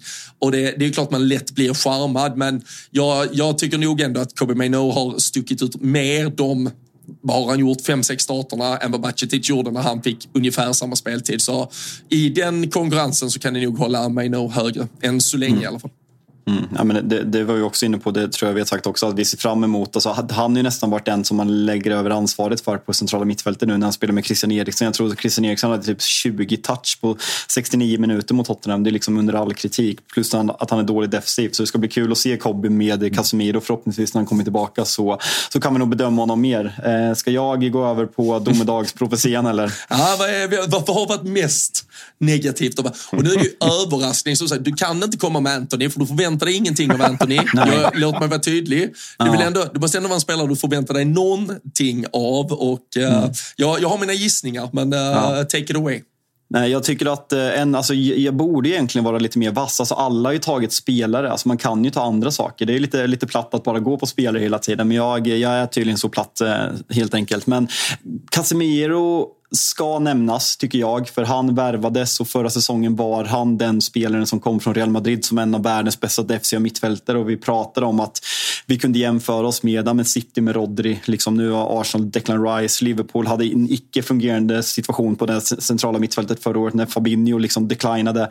Nu känns det som att Casemiro är där. Man vill ha hopp att han ska liksom komma tillbaka och vara ännu bättre efter skadan. Men vad talar för det egentligen? För det vi fick se de första tre, fyra månaderna den här säsongen av Casemiro var inte den Casemiro jag ville känna de senaste tio åren. Men eh, Nej, det är eh, Marcus Rashford. Alltså utan, utan tvekan. Alltså, från den säsongen han gjorde förra året, skrev ett nytt kontrakt. Man trodde att liksom, nu, nu är det dags Marcus. Nu är det dags att bli en av världens bästa spelare och liksom göra 20 plus mål varje säsong. Så, så gör han den här säsongen och eh, han ser ointresserad ut, han ser loj ut, han ser obalanserad ut och eh, saker vid sidan av det, kommentarer på Sanchos Instagram. Men så här, det är bara så mycket och han ser inte ut att tycka att det är kul att spela fotboll. Samtidigt så tystade han ju en hel fotbollsvärld när han satte dit 2-1 målet i Vill du, vill du ta det här Mikael? Du har ju stenkoll på det här. ja, nej, men det är ju faktiskt eh, om, om det är som eh, det du syftar på nu Robin, det Fabbe var inne på häromsistens eh, förra, förra avsnittet, eller vad det nu var. Att mm. det är ju, han hyschar ju inte kritiker för att han inte har levererat, utan han hyschar eh, de som kritiserar honom för att han stöttade eh, Jadon Sancho ah. övergång eller lån okay. till eh, Dortmund. Men, men jag tror... Alltså jag, är det en efterhandskonstruktion? Eller? Nej, han, han, eh, det är någon som, eh, som tweetar och så, och så går han in och skriver “Thank you for clarifying” när någon som sågar Sky Sports som säger ungefär samma sak. Men, men jag, det är ingen spelare i balans på något sätt, så att jag håller ju med. Och det, vi tar en Liverpool-jämförelse igen. Det är ungefär som Mohamed Salah skulle springa omkring med en jävla gamnacke och skita i det. Alltså, det är en enorm sorg för oss United-supportrar, det som händer kolla vad, om du tar dem du Robin jämförde bra med Bajsetic, alltså kolla vad Mohamed Salah gjorde i ett dysfunktionellt Liverpool förra året. Så det blev väl liksom 20, 22 plus 20 eller, eller någonting. Liksom. Han gör ju mer poäng än Marcus Rashford. Alltså liksom Marcus Rashford som skulle vara en av världens och vinna Ballon d'Or i februari. Mohamed Salah som är dålig och slut enligt vissa gör ju mer poäng än, än Mohamed Salah förra året. Så det är, där man, det är där man vill att man ska ha en spelare som när laget inte funkar så kan, så kan det funka ändå. Nu, eh, vad har vi nu för, eh, för, eh, jag kommer inte ens ihåg Robin, vad har vi för eh, kategori? nu, eh, vi, vi ska komma till bästa spelare, men ni, ni ska supersnabbt ska ni ändå, för nu, nu nämner ingen av er eh, Onana på negativ överraskning. Han, han kom ändå som jävligt upphåsad, hypad, som du var inne på Fabian. Han skulle ändå förändra ett sätt att spela fotboll i grunden någonstans. De första två, tre månaderna var ju, det, det blev på gränsen till parodi till slut. Någonstans har det väl balanserats lite, men ja, du, du får dina 12 sekunder av det, om detta ungefär Micke, vi ska vidare sen. Men synen på Onana nu och, och liksom ändå, har, man, har man landat i att det nog fan kan lösa sig ändå? Nej, jag är fortfarande inte säker på när man säger lösa sig, det vill säga nå Inter-nivån då. Det går inte att jämföra det väloljade maskineriet han kommer ifrån. Champions League total katastrof, Premier League inte så farligt om man tittar på siffrorna. Så att, eh, men jag är fortsatt tveksam till om, eh, om det är exakt rätt melodi för oss, måste jag faktiskt mm. säga. Ja, vi får se där. Bästa spelare, vem av er har fått äran att uh, utse det? Det är mycket som uh, tar... Uh, vad förvånansvärt att, det, att Fabian håller sig undan allt vad gäller liksom, hyllningar. Det är, fan Micke som har delat, det är fan Micke som har delat upp det. Så är det. Det är bara en slump där jag drog lott och så blev det min kategori detta. Nej men precis, det går ju att argumentera här för att Diogo Dalot, som jag har hyllat tidigare, har gjort det bra och varit klart jämnast i backlinjen tycker jag. Och visst har ju liksom Maguire återuppstått från de döda. Det är, liksom, det är, det är två positiva... Maguire nämns. Ja, men det, det är ju det. det man skulle kunna argumentera, men ingen av dem når ju Kobe Mainu. Jag vet att det är hybris nu, men jag tycker han har varit bäst och det är fan läskigt. I, och det han säger en del om United. Micke. Kat, ja, men katastrofala säsong. Det säger en del, men det säger också en del om vilken nivå som han spelar på. Jag tycker han har varit bäst i de matcherna han har spelat. Vem, eh, vem tycker du är bäst Fabbe? Alltså jag tycker Dalot. Eh, mm. och det, det, det säger ju någonting, det, det, säger ju någonting om hur svaga vi har varit när liksom en 3 plus Dalot är bäst. Nej, men på riktigt alltså. Det, det är ju, han är inte bättre alltså, än 3 plus. Det, det, är lite som att Kostas Simikas hade varit, är bäst i Liverpool. Nej, Dalot är fan bättre än Simikas. fan elakt. Är, är, är, är vi helt säkra på det? Är vi helt ja, säkra på det? Sabri tycker nog Simikas är topp top tre i världen. Men eh, ja, nej, fan. jag vill inte prata bästa spelen om Maguire, Kobe Minogue, Dalot är topp tre. John Evans ska nämnas också. Ja, vi, eh, vi, eh, jag, jag tar också då mitt redak, redak that's terriella eh, ansvar och, och shufflar om lite här. För nu har ni förberett er så jävla mycket märker jag. Det, det, det köper jag inte helt. Framförallt så vill jag inte bara ens eh, ögon på det som vi kallar synen på er tränare framåt här, utan eh, det måste vi lägga in på båda. Så, så jag tänker så, eh, förbereda lite på, ni ska betygsätta eh, säsongen så här långt, 1 till 10. Det tycker jag båda två ska göra. Ja, så ska det har vi sagt. en siffra. Mm. Mm. Så, så, så börja med det då nu när vi ändå summerar det som har varit så här långt och kan väl Micke börja där? Ja, nej men eh, sett till förväntningarna efter förra säsongen så är det ganska lätt att hamna på minusskalan här, det vill säga eh, gå utanför den skalan vi ska använda oss av. Men eftersom jag ändå är liksom en obotlig optimist så eh, landar vi ändå på en trea här tycker jag. Ja, lite bättre säsong än Chelsea i så fall Fabian. Skriver du under på det? Alltså jag är också alltså två, alltså går man enligt liksom, svenska tidningar jobbar ju inte med 10-gradig skala så då går vi mot den italienska Gazzetta-skalan och två är ju alltså jättedåligt. Alltså två är ju, sen, sen har vi ju varit jättedåliga. Alltså, jag har lyssnat på dig i 67 avsnitt och inte låtit jättebra. alltså de första tio innan säsongen börjar var jag ganska positiv i alla fall. Alltså, okay. alltså, jag, jag, väljer mellan två och tre. Um, jag, vi kommer fast sist i en Champions League-grupp med Galatasaray och Köpenhamn. Nej, det är... Vad ligger vi? Åtta? Nej, det, det, det, det, det blir inte. Vi är sjua. Det, nej, men det är en tvåa. Eh, ja. det är, det, jag landar faktiskt i det. För ja, det är liksom, ja, ja, det, Kobe Mino är det enda positiva. Resten är nej, men, domedag. Mm. Två, jag, jag, jag, jag skriver ner det till en 2,5 då, eh, ja, gemen, gemensamt. Så, så när vi, vi ska bokföra in de här uh, lite sen. Men uh, för, Micke, för att, för att säsongen, alltså, jag vet inte, går den att rädda? Ni är trots allt kvar i FA-cupen, men det blir ju inget Europaspel just med tanke på den där sista platsen i Champions League och i, i ligatabellen så är det ju ett större och större gap upp mot vad som eventuellt måste vara en fjärde plats ifall man ska tillbaka till Champions League. Va, Ja, vad, vad, tycker du att Manchester United ska blicka mot här under våren eh, för att ändå försöka rädda lite ära av, eh, av det som har varit så jävla mörkt? Det går ju att se det på två olika sätt. här. Antingen så kan man någonstans bara konstatera att vi är där vi är. Man måste lära sig krypa innan det är dags att gå. Det är lite den, den känslan jag är på nu. Och då, först och främst få tillbaka fullt manskap. Sen försöka nå fjolårets nivå spelmässigt. Det tror jag är den enda rimliga målsättningen för att ta oss vidare. Och sen, eh, ja, gör vi det, då kan vi, då kan vi utmana om en Europa League-plats. Det tror jag är liksom det, det vi kan nå här. Och sen givetvis så måste vi gå fullt all in på FA-cupen. Vad det nu är värt. Jag tror det är bättre liksom att eh, helt enkelt försöka bygga det här sakta men säkert. Få inte panik och jaga någon topp fyra dröm för det, ja, det blir tufft alltså hur, eh, typ, det, det, har vi ju pratat om Fabian lite, just det här eh, cupframgångar eller titlarna och så nedvärderar man kanske, speciellt med tanke på var United kommer ifrån. Ni är vana vid att vinna de riktigt stora pokalerna. Ligacupen från förra säsongen, den drunknar ju väldigt snabbt i, i allt annat som ni nu bara ser som... Ty, tycker du att FA-cupen kan, kan rädda någonting? Eh, kanske handlar lite mer om vilken väg det blir fram till en final, vilka man möter i en final, jag vet inte. Men det känns ju inte som att cuptriumfen förra året gav er så jävla mycket. Nej, alltså det, det, det, är svårt där. Alltså, Louis van Hall vann ju FA-cupen och får sparken efter det. Eh, vi pratade faktiskt exakt om det här eh, när jag gästade Micke, Micke och gänget eh, förra veckan. Om vi trycker att en FA-cuptitel ska rädda Erik Ten Hags jobb. Och jag landar ju i att det har ganska lite att göra med vad jag tycker om hans framtid. Jag ser jag liksom en fotboll som vi kan bygga vidare på i vår samtidigt som vi har liksom en fin run i FA-cupen och vinner den. Absolut, då tycker jag att det påverkar. Men om spelet fortsätter se ut som det har gjort så, här långt och liksom vi hamnar på sjunde plats och man inte ser några tendenser i spelet och vi vinner FA-cupen genom att liksom vinna mot Newport och liksom, vi kanske slår ett, ett och ett halvt bra lag fram till finalen och, och vinner den. Ska det rädda hans jobb? Nej, det, det tycker jag verkligen inte. Nej.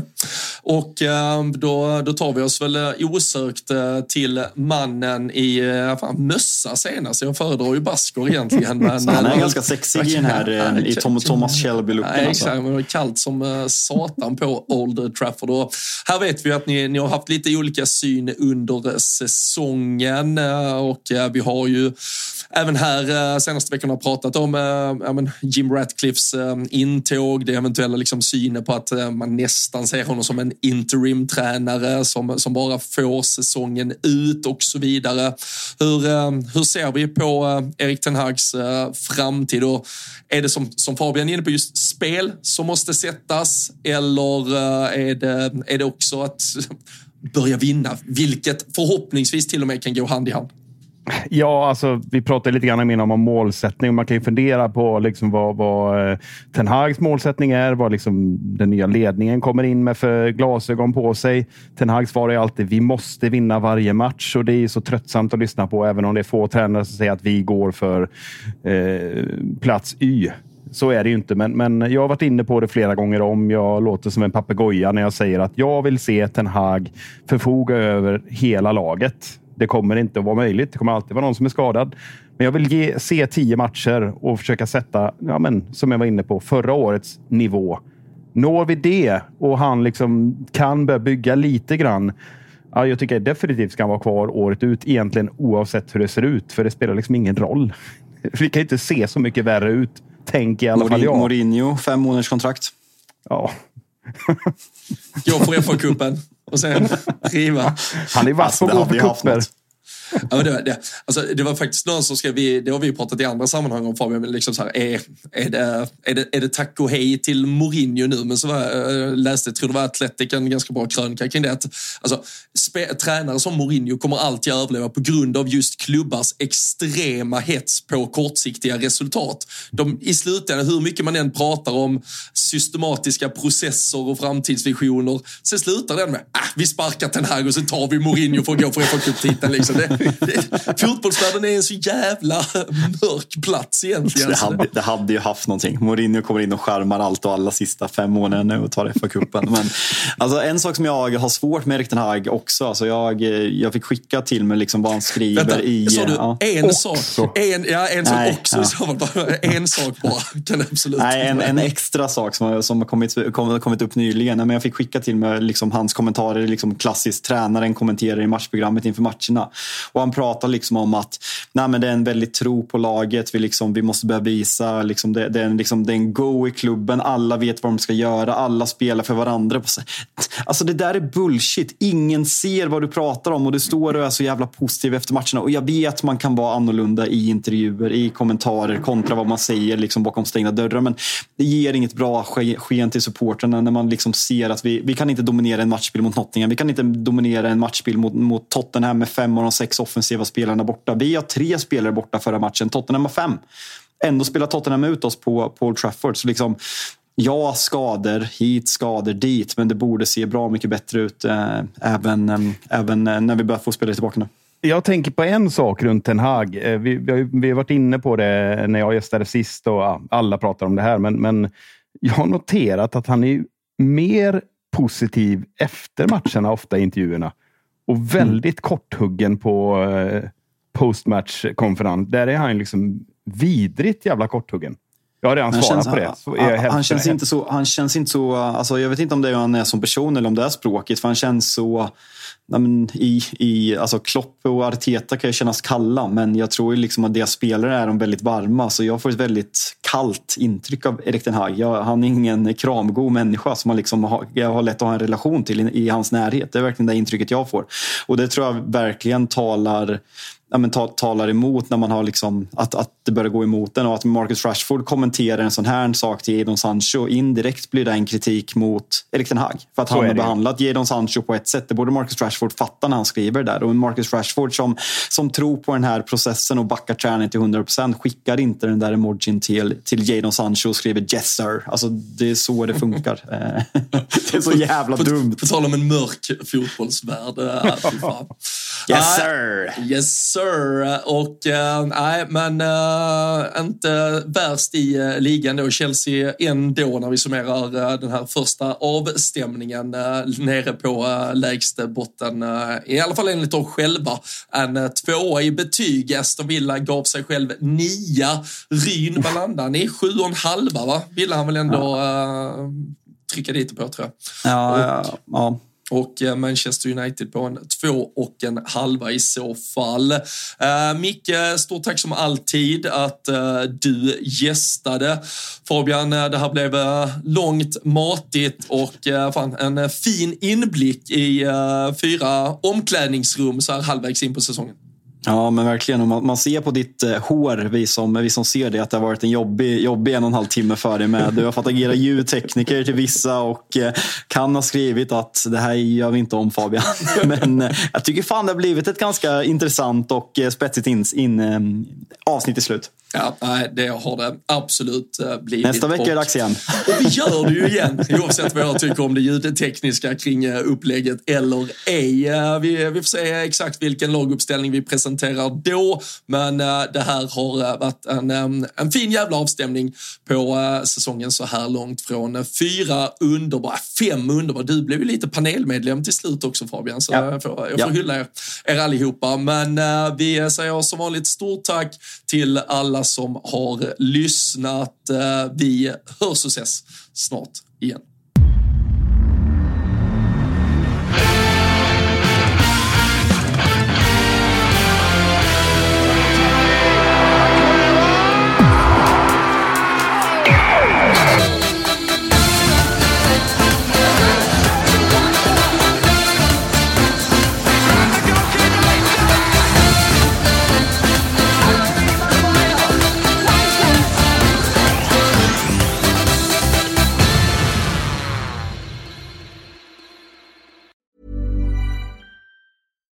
When we're on a budget, we still deserve nice things.